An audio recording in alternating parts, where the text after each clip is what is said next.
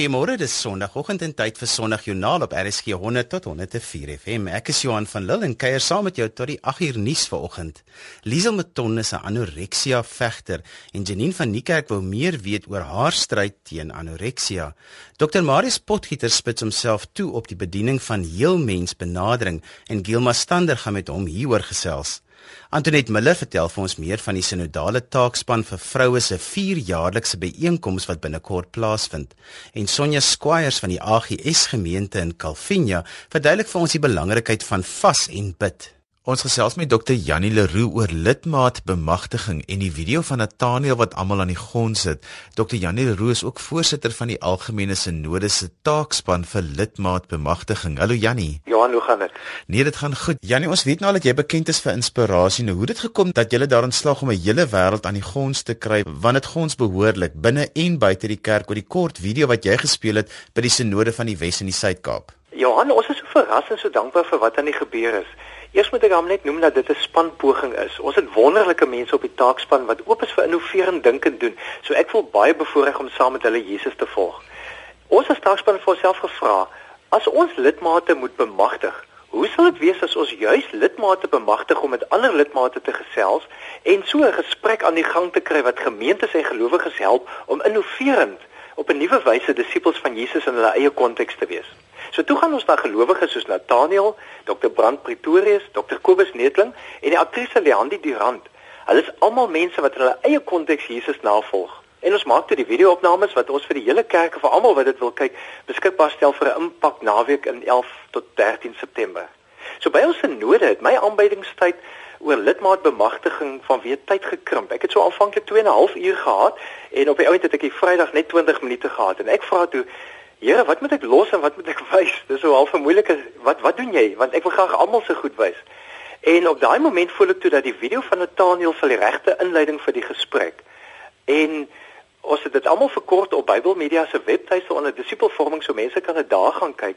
En die synodegangers was toe so begeester deur Nathaniel se unieke aanpak dat hulle daai video greep eenvoudig afgelaai vir hulle vriende gestuur het En nou is dit al gerapporteer dat al die groot koerante, Netwerk 24 en die radiostasies stel dit nou oral op. So ek wil vir jou sê, uh, om Dallas Willard se woorde te gebruik, dis divine conspiracy. So ons is die gees so dankbaar dat juis in Pinkstertyd hier 'n beweging aan die gang kon kom wat gelowiges help verstaan God is nie klaar met ons nie. Ons is die hoop vir die wêreld as ons gelowiges bemagtig in Jesus. Janie, wat bedoel julle met lidmaatbemagtiging? Dis eintlik 'n woord wat ons as taakgroep geërf het. Die vraag het gekom, hoe kan lidmate meer hulle eie unieke passie en rol uitleef vir Jesus? So ons wil dit uh, met tyd eintlik meer disipelvorming begin noem. En ons as taakgroep se hele doel is om predikante te laat verstaan, dominees kan en mag afgee en hulle rol is om lidmate geestelik te begelei en te energieer om hulle passie en gawes in die gemeenskappe los te laat. Dis wat die sturende God noem en doen. Ons noem dit missionaal. So dominee se rol is om fasiliteerders en energieerders vir stuur energie te wees. En ons wil lidmate help verstaan, hulle kan en hulle mag. So ons wil graag hierdie ronde geloofsgemeenskappe aanmoedig om te besef kreatiwiteit, leierskap en innovasie is nou meer as ooit aktueel. Vir Nathaniel het ons gevra Jy is bekend vir jou verbeeldingryke vertonings en innoverende rolle wat jy vertolk. As jy die dominee was, hoe sou jy dit naaste gemeente, dis nou platland en stad, inspireer sodat elke lidmaat hulle passie en gawes voluit kan uitleef om vir Jesus te getuig. Ek dink dit sal interessant wees vir die luisteraars. So kom ons luister net na so 'n stukkie van hierdie video wat Nathaniel gemaak het. Communities dink ek verwar 'n predikantspaar met die Britse koningspaar. Die predikant hoef nie daai vroutjie oral heen te sleep nie vir alles sy eie loopbaan wil hê. Party van hulle is bleker as melk en is skaam en wil eenkant wees. Daar is 'n ledige vrou op die dorp. Daar's 'n ryk vrou op die dorp. Daar's eene wat sit en wag om gevra te word om take aan te pak, 'n tipiese raakvatter. Gebruik hulle, dit is nie meer verkeerd nie. Ons moet ons sterkpunte gebruik, sterk leierskap en dan die samelewing se behoeftes wat op 'n dorp 'n behoefte is, is nie die kultuur van 'n ander dorp nie. As hy tannie lewensmoeg al 40 jaar haar orgel speel, sê vir hierso is vir jou 'n wekker en 'n blik koek, maar gaan nou.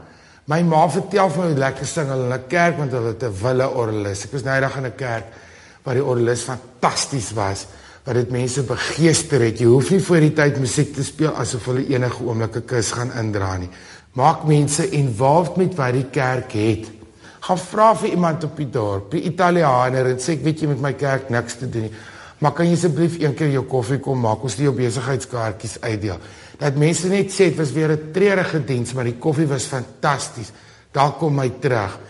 Vir Dr. Brand Pretorius het ons weer gevra, vertel vir ons hoe 'n praktiese uitlewing van Christendom in die sakewêreld, spesifiek vanuit 'n leierskapperspektief. En vir Dr. Kobus Neetling, kan ons vir jou vra om lidmate aan te moedig om hulle godgegewe kreatiwiteit te ontwikkel en gebruik om gemeentes en gemeenskappe te laat groei. En vir Leandi het ons gevra, Christene is gedurig in die kollig. As 'n televisiester is jy nog meer in die kollig as ander Christene. Hoe het God jou gehelp om gemaklik in jou eie lewe te wees en te doen waarvoor jy geroep is? Wat is jou boodskap vir ander Christene wat skaam is om hulle passie en gawes te beoefen vir Jesus? So al hierdie gesprekke kan uiteindelik gefasiliteer word deur gelowiges in hulle geloofsgemeenskappe. Ons wil eintlik voorskryf wat elkeen se uitkoms moet wees. Dis juis die Gees wat gelowiges sal help om innoverend in hulle eie konteks vir Jesus te leef. Kom ons leef innoverend en vol geesenergie. So dominees en lidmate, ons is almal disippels. Ons kan en ons mag in Jesus. Jannie kan gekontak word by jannie@jannieleroe.co.za. Liesel Matonne se anoreksia vegter en Janine van Niekerk wil by haar weet hoe die hand van die Here haar uit die greep van anoreksia gekry het. Janine, jy praat oor die hand van die Here en jy het nie geweet dat dit regtig waar 'n fisiese belewenis vir, vir my was dat sy hand fisies tasbaar op my liggaam was en dit is waar die keerpunt gekom het. Maar ek, ek begin net weer by kinderjare en waar so baie keer dit gebeur dat 'n mens vir al 'n jong meisie haar sekuriteit as as daar chaos en as daar geweld en as daar allerlei jeugie goed in die in die kinderlewe gebeur het dat die kind dan na sekuriteit en haar ook haar selfbeeld en aanvaarding dan met kos uh, gaan koppel en haar hmm. tyd dan daarin soek en dan um, is dit wat met my gebeur ek onthou ek was baie baie lekker gesond en ek was amper 'n bietjie van 'n pokkeltjie en toe uh, begin mense goediglik vir my spot daaroor en selfs na sy familie maar beslis nie in 'n negatiewe sin en ag um, nie baie van gehou nie en ek gedink ook maar eet ek minder. En toe die fyn sien maar het nou iets hier. Be toe ehm um, voor my nog aan? Maar kyk jy lyk nog nie goed genoeg nie. Kyk hoe waar hier nog 'n vetjie en daar is dit nog 'n ding. Ja, ek dink jy kan nog minder eet. En ehm um, ek wil net vir almal sê wat in die griep van anorexia is dit is 'n totale leuen. Die fyn wil jou vernietig. Daar word niks van jou oorbly nie. So as jy in daardie tronk is, dan jy sien, jy kyk in die spieël, jy het oë en jy kan sien, maar hy hy verblind jou so dat jou naaste mense soos met my die geval was sê het um, mysteries begin raak en gesê maar wat gaan met jou aan? Jy kwyn weg. En waar jy dit glad nie glad nie glad nie raak sien nie. En so het dit aangegaan en ek was gehospitaliseer. Ja, hulle bring vir jou in die hospitaal drie gang maaltye. Nou vir anoreksia leier is 'n drie gang maaltyd toe totale nagmerrie. I mean really. Um daar is 'n manier wat jy drie gou maaltyd gaan eet. Nie maar in elk geval. Toe daar uitgekom en dit vir op 'n stadium so het ek lekker die die fasade voorgehou en ek het so lekker voorgegee as ons okay en ek eet en maar dit was nie oukei okay nie en en toe was ek getroud en hier slaan die van weer toe en hy kom toe met 'n ding wat ons weer begin ooreet en my liggaam het so gekry ge, ge, ge gehonger vir vir vir soet en vir lewe. En ek onthou ek kom in 'n winkelsentrum dan eet ek 'n kassetsy, dan sit 'n roomys en dan en die hele saakie hy toe weer het die fyn misbruik om toe weer um net sy vinger daarin te kry, maar um ek gee hom geen eer nie, alle eer aan God. En ek onthou bestel hom net voor hulle um, my weer wou opneem. Ek sit op 'n bank en ek is in totale daar is daar totale chaos want ek weet nie hoe op die aarde ek het hierdie hoe ek hier uit gaan kom nie en ek roep uit na die Here. En ek onthou ek het sy ek het 'n fisiese aanraking. Ek is seker daarvan soos wat ek vandag hier staan op my skouer gevoel. En ek was onmiddellik onmiddellik onmiddellik getroos. En ek kan vir jou sê van daardie dag af en weer eens sê ek soos ek voorheen gesê het, it wasn't an instant change. Dit was nie oornag die volgende dag was ek gesond, lekker as nie, maar die Here het my self 'n mate geleer. Die eerste ding wat so belangrik vir anoreksia leier is, jy aanvaar nie jouself nie, jy is nie lief vir jouself nie. As 'n mens God se liefde kan net klik, as jy net kan klik.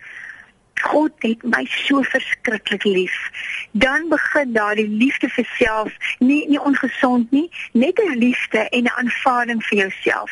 Dat jy's eintlik 'n koningskind, jy's 'n prinses van Jesus. Begin dit inskop. Um so dit moet eers in die die kop, die hart, emosies klik voor dat jy weer vir jouself kan sê ek mag 'n hele slap op eet. Ek mag 'n um, roomys eet. Ek ek is waardig om dit te doen en en en dan kom daar die dan kom daar die verandering en ja, ek is ek is nie eens mollig vandag nie, ek is so hoegenaamd nie oorgewig nie, maar jenne. Nooit weer sal ek toelaat dat die vent vir my so alleen spin en en ek wil net sê daar's hoop vandag. Ek ek weet die hele ding is dat jy alles wegsteek. Jy hou hierdie beautiful front voor, ek is okay. Maar dit is waar die fyn wil hou. So moenie laat hy jou langer um om die bos lê nie want ek sê dit weer en ek wil nie negatief wees nie maar ek ek wil dit so duidelik stel sy eind, uiteindelike plan is om jou te vernietig en dood te maak. So asseblief ja dat dat die Here net net sy sy helende hand en sy liefde soek hulp. Um trots speel ook 'n groot rol en ek en ek wou lank nie dit erken nie maar soek hulp. Al moet jy op 'n straat ook gaan staan en uitskree ek het hulp nodig. Liesel ek wil gou vir jou vra die een ding van anoreksia is dat die ding om nie te eet nie dit voel asof jy beheer het dit was verskriklik moeilik want omdat daardie beheer, omdat daar nie sekuriteit en omdat my huislike lewe as kind totale chaos was, daar was niks vas nie, daar was niks sekuriteit. Um, het ek begin 'n bietjie vastigheid soek en sekuriteit en dit was deur middel van kos mm. en om beheer dan oor my liggaam. Ek het beheer hierso, jy sal nie vir my sê wat om te eet of ek 'n roomys mag eet, hier het ek beheer. So dit was my 'n manier, dit was skeef en verkeerd, maar dit was my manier as as as kind en jong meisie om dan 'n bietjie beheer in my lewe te kry. En ja, dit is baie baie moeilik om om beheer te oorgee vir Jesus, maar daarin het hy vryheid. En hy is so gentleman. Hy het vir my gewys, you can trust me. Ek sal nie dat hy waar gaan nie. Ek sal nie toelaat dat hy vet word nie, want hy ken ons so goed. Um maar daarin lê die totale vrywording van en en hy is so hy sê so awesome. Hy laat jy stappie vir stappie gaan. Hy gooi jou nie in en sê klap jy net jou kop en sê kom by nie man jy sê wat gaan met jou aan nie. Hy is so awesome dat hy vir jou stappie vir stappie wys en ja my kind jy kan. En en kom nou nou is jou volgende stap en en hy hy sal dit hy sal dit nie doen dat jy dit nie kan hanteer nie Dit was Liesel Matonne, anoreksia vegter wat met Janine van Niekerk gesels het oor haar stryd teen anoreksia. Dr Marius Potgieter gesels nou met Gilma Stander. Die mens se welstand is 'n aspek wat deur die dekades meer en meer aandag geniet het. Na mate daar meer kennis tot ons beskikking gekom het. Die groot strewe bly steeds om die sensitiewe balans te behou van gesondheid van liggaam, siel en gees. En ek verwelkom Dr Marius Potgieter, afgetrede predikant wat hom tans toespits op sy bediening van die heel mens benadering. Baie welkom hier by ons vandag. Baie dankie, Joma. Marius, wanneer ons praat van die heel mens, wat bedoel ons? Jong, daar is uh, die afgelope jare baie meer klem daarop dat 'n uh, mens uh, moenie die mens uitmekaar uittrek nie. Uh, uiteindelik is ons maar 'n een eenheid. Ek gebruik baie keer die beeld van 'n uh, van 'n diamant. Ek sê jy weet 'n mens het baie verskillende fasette kante van waarop jy na mens kan kyk en elkeen is belangrik op sy eie manier. Ongelukkig het ons groot geword in 'n westerse wêreldbeskouing waar die mens baie uit mekaar gehaal is. Nou ja, dit kom natuurlik baie ver, jy weet, dit kom deur die uh, filosoof Descartes wat ook beïnvloed is deur die ou Griekse filosofie. Hy het gepraat van die mens as 'n masjien met 'n spook binne. En ongelukkig uh, het dit maar in ons kultuur deurgewerk. So baie keer het ons gedink, jy weet, God stel net belang in die mens se siel. As die siel gered is, dan die res is nie belangrik nie en dan kan mens maar jou liggaam afskeep en al die ander fasette van jou lewe. Maar ek is oortuig daarvan die Here stel belang in alles. Hy het ons lief. Hy het in elk geval nie vir Adam gemaak as 'n gedeelte van 'n mens en toe ekstra dele om ingeplant nie. Hy het die asem van die lewe in hom ingeblaas. En uh, dit was met die Bybel kry mens dat uh, die Here is baas oor alles. Hy is die Heer oor alles. Hy regeer oor alles. En daarom uh, lê die klem en ek sien al een wat so werk nie. Ons klem lê daarop dat die die totale mens moet so gesond as moontlik wees en ons probeer mense help om so 'n leefstyl te ontwikkel. Maar waarom is die mense ongebalanseerd en ongesond? Ja, jy weet ons leef in 'n gebroke werklikheid. Jy weet alles is maar gebreek as gevolg van die die Bybel sê as gevolg van die sonde. En die mense is sterflik. Ons is op pad na die dood wat vir ons natuurlik ook die lewe bring. So die gebroke werklikheid het 'n groot invloed op ons en daarom ook met die loop van jare dan neem 'n mens se kragte maar af en die liggaam is nie meer wat hy was nie. Nou daar's baie invloede. Ek dink die eerste een is die invloed van ons uh, bewussyn en onderbewuste speel 'n geweldige rol in ons algemene welstand. Die totale ek praat van gesondheid op die van die totale mens ook as welstand. Jy weet baie mense het uh, geweldige traumatiese ervarings gehad of allerlei ervarings gehad wat sterk emosies gebring het. In ons moderne wêreld is daar verskriklik baie stres. Daar's vrees. En al die dinge breek 'n mens af. Ehm um, daar seker jy wat mense wat al gehoor het van die beskrywers van Dr. Dorothy Leaf en Dr. Strydom wat uh, beweer dat daar navorsing bewys dat 87 tot 95% van ons fisiese probleme kom uit ons uit ons bewuste en onderbewuste. So dis eintlik baie gevaarlik. Ons wêreld ons wêreld ook, die wêreld is verskriklik gevaarlik. Dink aan gifstowwe. Weet jy daar is honderde duisende gifstowwe wat in die mark is wat ingepomp word in ons kos en oralster.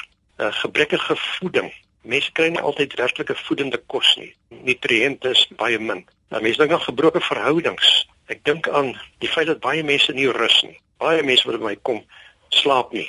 Uh baie mense lewe doelloos. Soos daar 'n klomp sulke elemente wat maar besig is om ons lewe af te breek en uh, as 'n mens nie waar jy kan hierdie dinge teëgaan dan uh, dan gaan jy agteruit en jy jou lewenskwaliteit gaan daarmee heen. Wat op aarde kan 'n mens doen om hierdie verskriklike sirkel te stop? En wat is dan die vertrekpunt? Ja, wel kyk, die werk wat ons doen is uh tot 'n groot mate ons stel ons in op voorkoming natuurlik. Ek wens dat jonger mense wel na my toe kom. Gewoonlik is dit mense wat al baie probleme het as by my uitkom. Maar as 'n mens kan hierdie tipe van dinge voorkom deur kennis, deur deur in meer insigte te hê oor die uh, gevare en die tekorte wat 'n mens se lewe be, beïnvloed, dan kan dit geweldige uh, praktiese invloed hê. Verder doen ons ook maar primêre sorg. Jy weet, die meeste mense se behoefte is nie na uh, spesialiste uh, soos mediese dokters en psigiaters nie. Die meeste mense se behoefte lê op 'n vlak wat ons kan sê is primêr. Dis dis kleiner, minder belangrike dinge wat tot baie erger uh, dinge kan lei en daarom probeer ons gewoonlik die basiese goed aanspreek wat mense help om te kan kan vorder.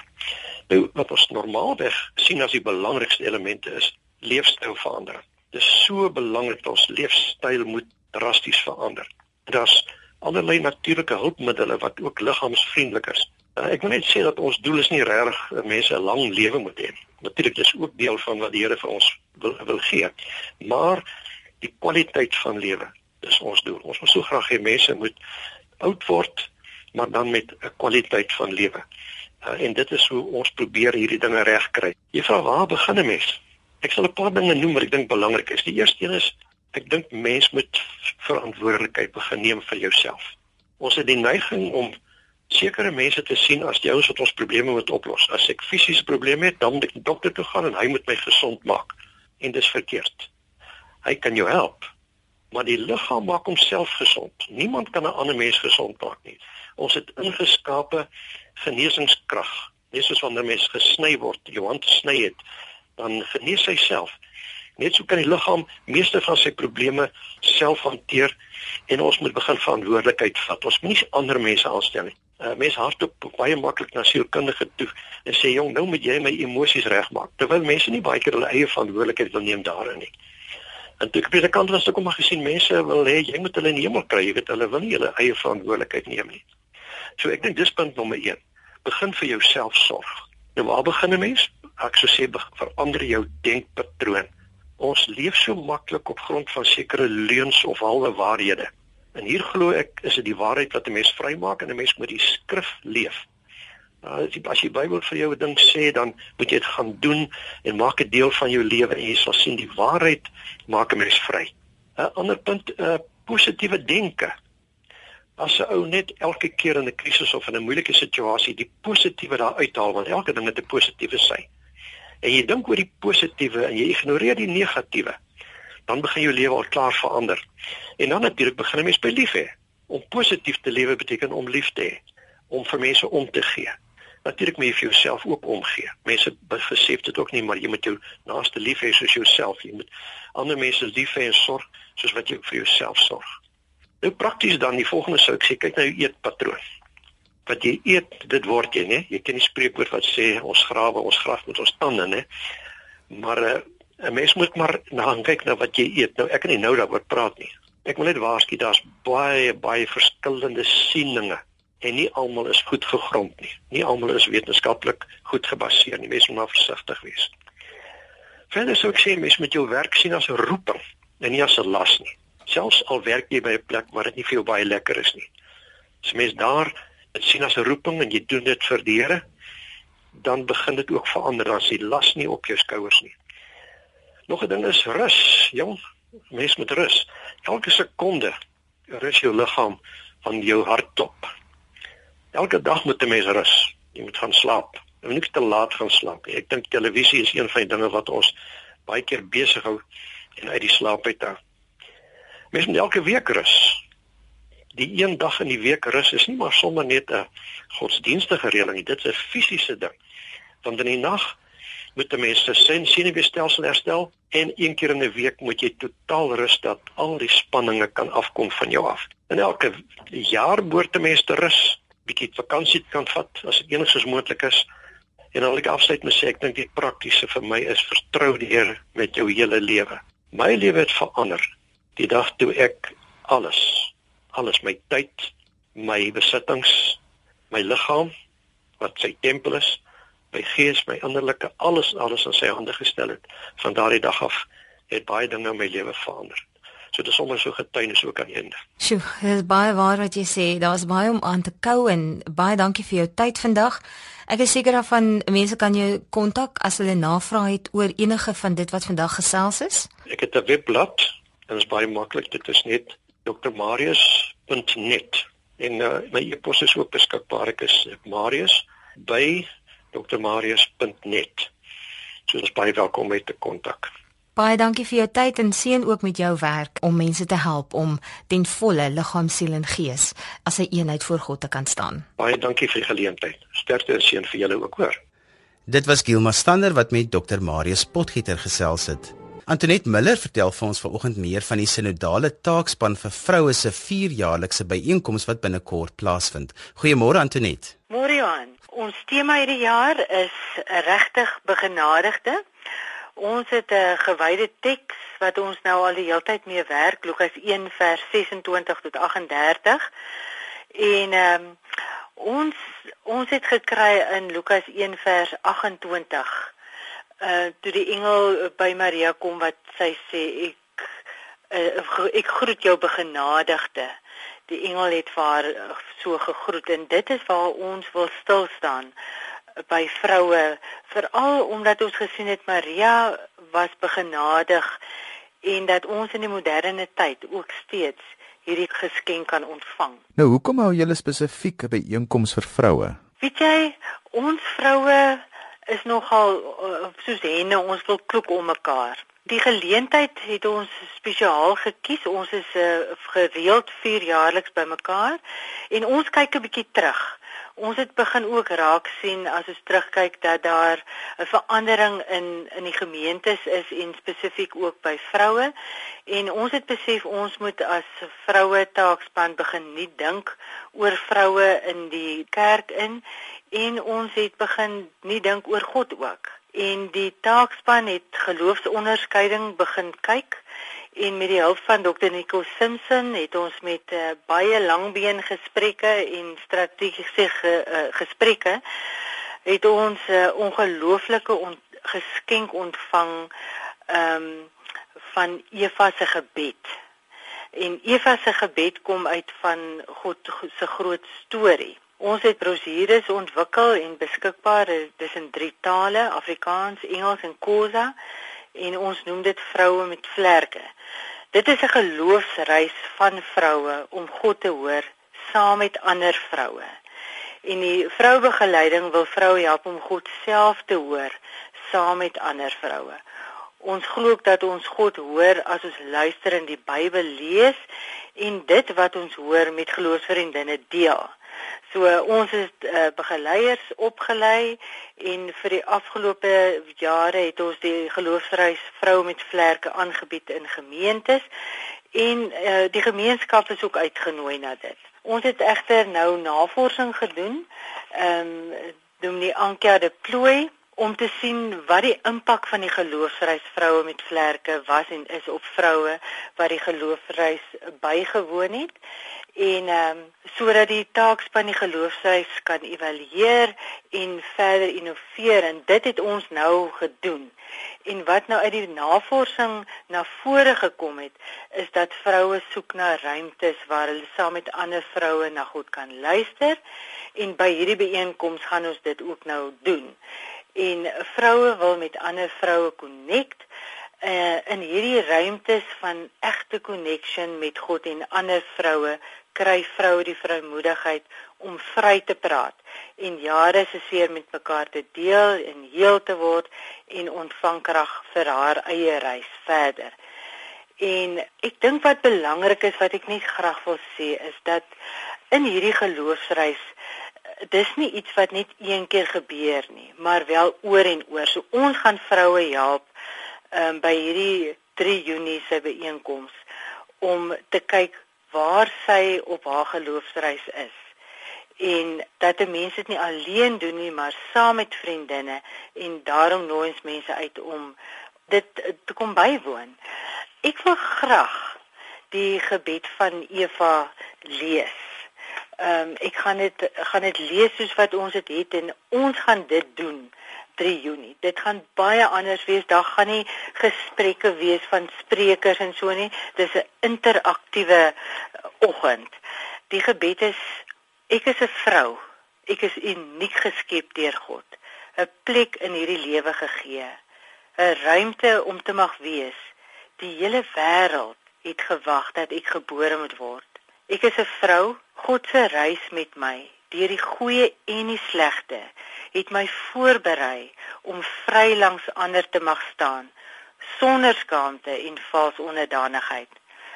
Ek is 'n vrou. God gee my mense wat my liefhet, my ondersteun en my innooi. En ek ontdek vriende wat betroubaar is en daar is vir my 'n tweede moederhuis. Ek is 'n vrou. God se gees maak my sterk en ek tree in in hierdie krag. Ek dra hoop en lewe en kyk die wêreld in die oë en omarm my volle mens wees. Ek is 'n vrou. God berei my voor vir iets groter as myself en gee my drome van liefde en billikheid. Ek gee myself hiervoor. Maak my hart en my arms oop sodat God nuwe lewe deur my kan skep.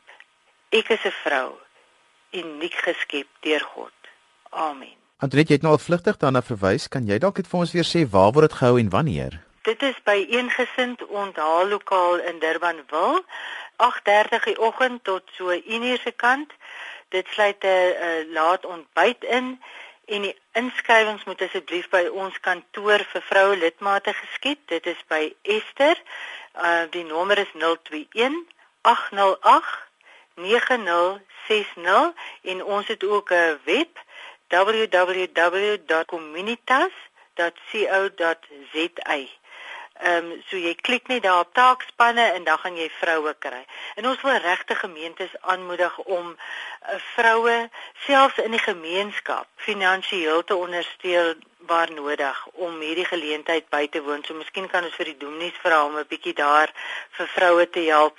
Ehm um, vir alles dit by die finansies kom waar hulle dalk 'n bietjie uh, dit terughou omdat hulle finansiëel dit nie kan bekostig nie maar ehm um, ons is oop vir almal. Dit gaan 'n heerlike kuier geleentheid wees waar ons almal God ontmoet en wat ons verder kan vat in ons gemeentes in. As die inligting dalk vir jou 'n bietjie vinniger is, ons sal dit op Sondagjoernaal se Facebook bladsy sit. Dit was Antoinette Miller, die voorsitter van die Sinodale Taakspan vir Vrouebegeleiding, wat met ons gesels het oor die Sinodale byeenkoms vir vroue wat op die 3de Junie by Eensgesind plaasvind. Dankie Antoinette vir die saamgesels. Baie dankie Johan. Sonja Squires van die AGS gemeente in Calvinia gaan vanoggend vir ons verduidelik wat is die belangrikheid van vas en bid. Kom ons sluit aan by haar en Lisel. Goeiemôre Sonja. Hi, môre Lisel. Ons gesels vanoggend oor hoe om na jou liggaam te kyk, maar ook hoe om na jou gees te kyk. So Sonja, hoe moet ons dink oor vas en bid? Weet jy vas en bid is is is twee baie belangrike items, maar vir my amper asof ons moderne wêreld teestel maak dit vir ons moeilik, nê. Nee. Ons kan nie regtig daarop fokus nie. As ons kyk na vroeë jare en vroeër in die geskiedenis, het vas en gebed 'n baie pertinente rol gespeel. Maar vandag met ons vinnige lewe kom ons nie regtig daarby uit nie. En uh, op 'n stadium het ek net so 'n bietjie gaan kyk na wat is die biologiese voordele van vaste gebed. En toe begin ek besef maar daar's werklik 'n konnotasie en 'n koneksie tussen om nie te kan dink en uh, om daar uit te kom deur vas en gebed. Dit voel so 'n bietjie vir my soos ver oggend. Dit is dan baie vroeg om te praat oor vas. So, help my met daai konnotasie. Nou, maar goed. Weet jy wat doen vas? Vas ehm um, verander jou brein se energiebronne en dit het verstommende gevolge. Byvoorbeeld, nee, jou brein het 'n sekere pad wat hy uh volg uh om kos te kry, glikose veral. Maar as jy begin vas en veral na 2-3 dae, dan begin die lewer vir die brein um ketone stuur. En ketone is 'n tipe van 'n vetsuur. Maar die gevolg is ja, dit is 'n kleiner tipe molekuuletjie en hy word maklik geabsorbeer. Um maar hy's heeltemal anders as glikose. En daardie tipe van molekuulietjies word selfs deur breinselletjies geabsorbeer wat al skade het of wat bietjie swaar trek, wat bietjie verhonger is of wat nie meer so lekker saamwerk en jou verstand help om helder te dink nie. So met die gevolg is wanneer 'n mens begin vas, dan begin ehm um, die brein hierdie tipe van voeding gebruik wat eintlik voordelig is vir die swakste van swakste stelletjies. Hoekom sit ons vas in gebed by mekaar? Ja, fasting gebed. Wanneer 'n mens vas, nê, dan ontneem jy jouself mos nou van voeding en jy kom bietjie meer eenkant. Maar gebed is baie belangrik want dan praat jy met die Here. En jy's besig met die woord van God. En om net minder kos in te neem is nie goed genoeg nie. Jy moet juis ook op ander maniere begin dink. En wat is beter as om te dink hoe die woord van God vir jou sê? Want weet jy, meeste van ons probleme in ons samelewing, in ons gemeenskappe in elk geval veral hier op die platteland, is dat mense nie sosiaal teenoor mekaar reg optree nie, mekaar verniel en skade doen. En as jy daar in Jesaja 58 gaan kyk, dan daai hele hoofstuk gaan oor wat die Here sê, wat die regte manier van vas is en dan ook bid. En en God is so duidelik daaroor. Um, jy moenie probeer om verhouding met hom te hê as jy nie met ander mense ordentlik optree nie en en die regte verhouding het nie. En om die regte verhouding te kry, moet jy in die woord van God kyk. En as jy in die woord van God kyk en jy begin bid, dan sien ons dat die brein op ander maniere begin optree. Daar's 'n man, uh, eh, Dr. Newberg, Andrew Newberg, en hy het 'n fantastiese boek geskryf oor how God changes your brain want hy het vir 10 jaar navorsing gedoen met MRI en PET scans om te sien hoe lyk die brein binne wanneer 'n mens bid en wanneer 'n mens nie bid nie. En hy kon duidelik met fotos en dit alles bewys dat daar ander dele van die brein uh belig is in elektrisiteit belaai is en meer dele wanneer 'n mens bid. En 'n baie interessante ding was dat jy weet die parietale lob is 'n spesifieke deel in die brein waar 'n mens veral uh, jouself in die middel van alles in jou lewe sit en daardie deel van die brein het veral afgeskakel. Ek wil dit amper noem die eie ek, nê, nee, in jou eie denke begin minder belangrik word en jy verhoog eintlik so jou sosiale IQ en dat jy nou na situasies kyk buite jouself en jou in iemand anders se skoene sit. Soos kan amper sê dis jou ou selfsugtige maniere wat jy dan aflê. Presies, want jy weet ons ou selfsugtige maniere is vas vas vas in ons brein in paadjies, want ons kom ons hele lewe daarmee saam en dan gee jy jou hart vir die Here en jy's 'n nuwe mens en nou sê die woord van God vernuwe jou denke. Maar hoe doen jy dit? Nou lees jy jou Bybel. Maar partykeer is goed tog so hardnekkig in 'n ou se lewe want jy het sekere geneigthede. Ek het sekere geneigthede. En ek vind as ek begin vas en bid, 'n verkieslik kombinasie nou nie elke dag natuurlik nie, maar vir al gebed elke dag en vas by tye dan is dit of hierdie goed net makliker ontwortel en of ek makliker en meer gereedelik aanvaar dat die Here byvoorbeeld sê in in Jesaja 58 sê hy en moenie die vinger so baie wys nie. Of jy weet uh, moenie vir mense swaar laste oplê nie of jou werkers sleg behandel nie en uh, wanneer ek vas en bid dan is dit net of my oë oop gaan en ek sien 'n ander mens se situasie ook meer gereedelik raak So as ek reg is ek sê dat vas is nie noodwendig om jou liggaam van kos te ontneem nie, maar om wel jou brein te stimuleer om meer effektief te werk. Absoluut. En almal dink dit gaan oor jou liggaam, maar weet jy jou brein is maar 2.5% van die liggaam se gewig, maar hy gebruik 22% van alle energie uit voeding. So die oomblik as jy minder voeding inneem, wat word eers geïmpak? Jou brein direk. Dis so interessant as ons terugkyk in in Christelike geskiedenis, dan sien ons dat um, in sekere van ons denominasies, uh baie jare terug, 18de en 19de eeu, die Wesleyan Church en die Methodist Kerk, uh, weet jy hulle het die leiers aangestel as daai persoon nie bereid was om een dag 'n week te vas nie. Want hulle het gevoel as daardie mens gaan mens liewend en met goddelike liefde teenoor die naaste optree, dan het hy hulp op besonderse maniere nodig om dit te doen, want dit kom net nie uit homself uit nie. Sonja, om saam te vat oor vas en bid. Vas en gebed is eintlik jy maak 'n rad verskywing. Uh en dit beteken, jy weet as ons in 'n kar ry, dan ry jy in tweede rad, maar dit vat meer petrol nê. Maar as jy vinniger en verder gouer wil gaan, dan gaan jy oor na rad 4 toe. Um op 'n sekere spoed. En dan gebruik jy minder petrol, maar jy beweeg vinniger. En wat ons regtig sien in van uh, in vandag se lewe is as jy vir jou liggaam net 'n klein bietjie minder voeding gee of by tye net 'n bietjie laat vas, nê? Nee, en daar's minder voeding vir die brein, dan begin hy jou verbaas. Hy kom skielik uit sy denkgroewe uit. Hy begin nie dink. Meer dele van hom skakel aan. Dele wat jy gewoonlik nie so maklik gebruik nie, staan nou ook by om vir jou insette te lewer. Ehm um, dit is kosbaar, maar eintlik doen ons dan meer met minder. Dit was Sonja Squire, 'n kenner van hoe die brein werk en sy het ons gehelp om 'n bietjie te dink oor vas en bid, dat vas nie iets is wat weggeneem word nie, maar dat dit eintlik iets is wat toegevoeg word. Sonja, baie dankie vir die samegesels vanoggend. Dankie Lisel. Dis en alwaar vir ons tyd het vanoggend en daarmee groet ek dan vir vandag namens programregisseur Neil Roo en van my Johan van Dil tot volgende Sondag. Totsiens.